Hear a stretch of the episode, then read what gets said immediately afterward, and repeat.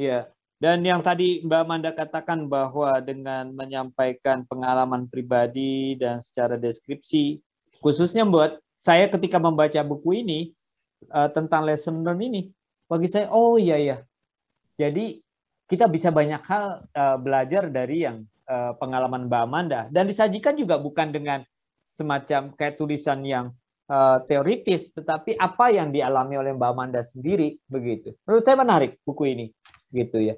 Uh, saya menarik bukan karena dalam rangka membahas buku ini sebelum acara ngobrol pun saya udah udah membaca buku-buku Mbak Amanda karena lesson learn ini yang bagi saya uh, sungguh mengena buat pembaca yang ingin berjalan begitu. Di sini kayak Mbak Amanda menulis di dalam uh, travel notes 3 di sini kok saya merasa Indonesia sudah jadi negara maju. Ya, setidaknya dua kali perasaan ini saya temui. Yang pertama, ketika mata uang Vietnam hanya setengah dari mata uang kita, alias belanja di sana jadi lebih murah. Jadi bahasa yang Anda gunakan itu ya kayak bercerita begitu.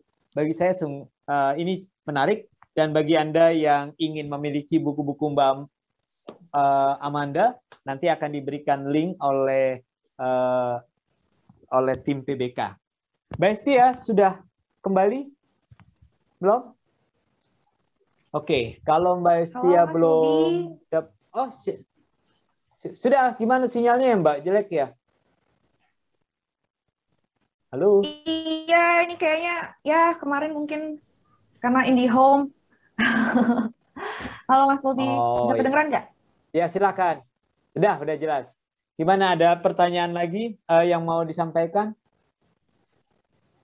Wah, kalau pertanyaan kayaknya lebih baik dari teman-teman yang ada di Zoom deh Mas, karena ini diintip dari rata sih nanyain soal kemauan untuk menulis katanya.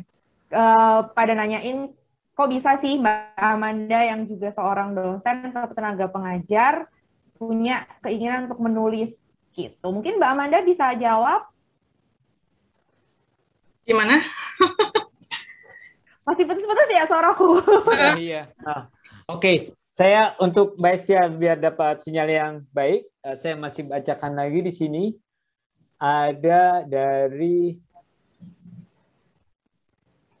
uh, Francisca Sari. Jadi penulis, dosen, editor, sibuknya kebayang ya.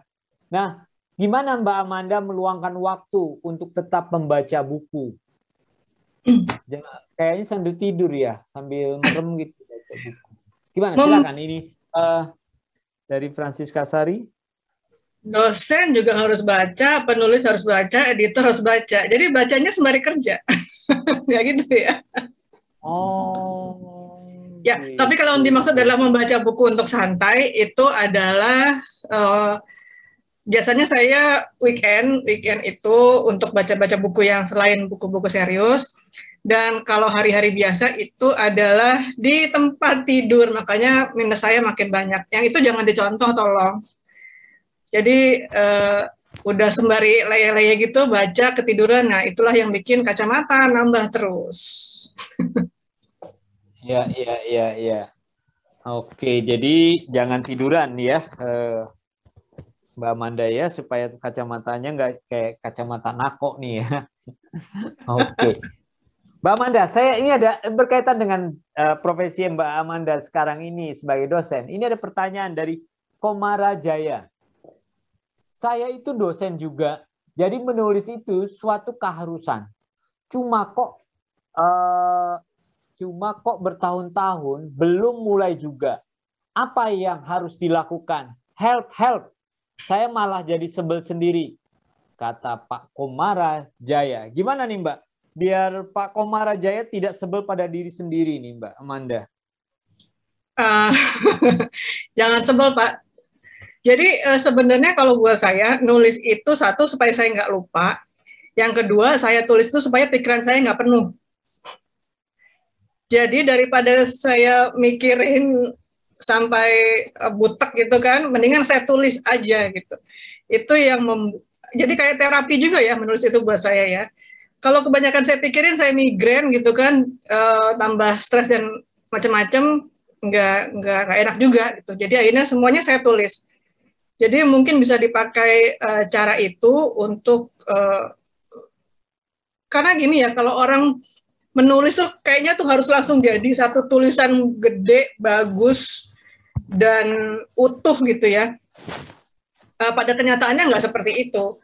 Sebuah tulisan, sebuah buku gitu kayaknya sih dibuat dari satu tulisan kecil-kecil yang kita kumpulkan dan kita itu kan sebenarnya adalah ide-ide yang tersebar ketika kita lagi ngapain tahu gitu kan bisa keluar ide itu. Jadi makanya saya sangat mengandalkan catatan-catatan eh, coretan-coretan di kertas yang itu bisa untuk uh, supaya kita nggak kehilangan ide dan pemikiran itu sih.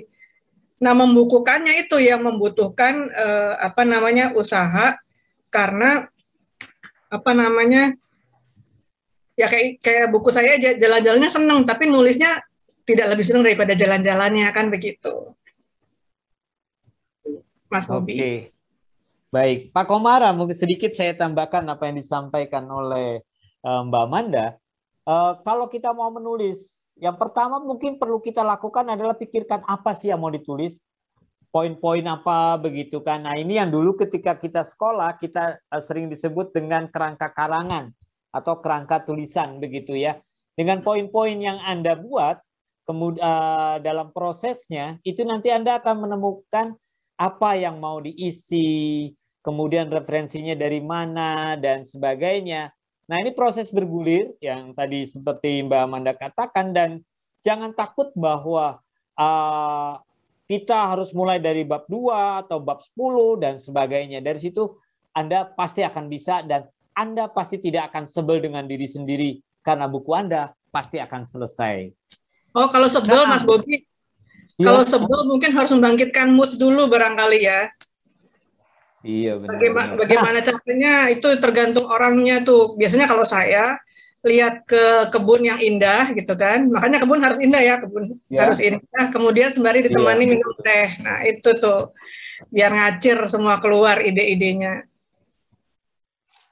Sebel, kaitan dengan sebel, saya jadi teringat dengan satu buku yang masih terkait dengan Mbak Amanda, tapi saya sebut setengah begitu ya. Uh, ini saya dari buku paspor pertama empat mahasiswi, My Travel Notes edisi spesial. Kalimat di halaman 22, saya merinding baca buku ini, uh, tulisan kalimat ini. Ujian akhir semester ini, kalian harus pergi ke luar negeri sendiri. Tidak ada biaya dari kampus Silakan berpikir strategis dan terapkan ilmu yang sudah kita pelajari di kelas ini selama perjalanan. Nah, buku ini adalah setengah saya sebut karena Mbak Amanda yang menindas atau memaksa para mahasiswanya pergi ke luar negeri dan hasil perjalanan mereka setelah ditindas oleh Mbak Amanda dijadikan buku. Nah, Mbak, buku ini kan merupakan karya mahasiswa Mbak Amanda yang dipaksa ke luar negeri pertama kali. Mengapa Anda memaksa mahasiswa untuk uh, keluar negeri pertama kali? Padahal belum tentu. Dan saya baca dari buku ini bahwa mereka secara ekonomi ataupun kemampuan keuangan untuk pergi ke luar negeri uh, tidak sama. Bahkan ada yang kesulitan. Kenapa nih Mbak Amanda? Hmm. Ya, karena yang diba yang dibicarakan uh, buku mahasiswa saya, jadi saya harus serius kayak dosen gitu ya.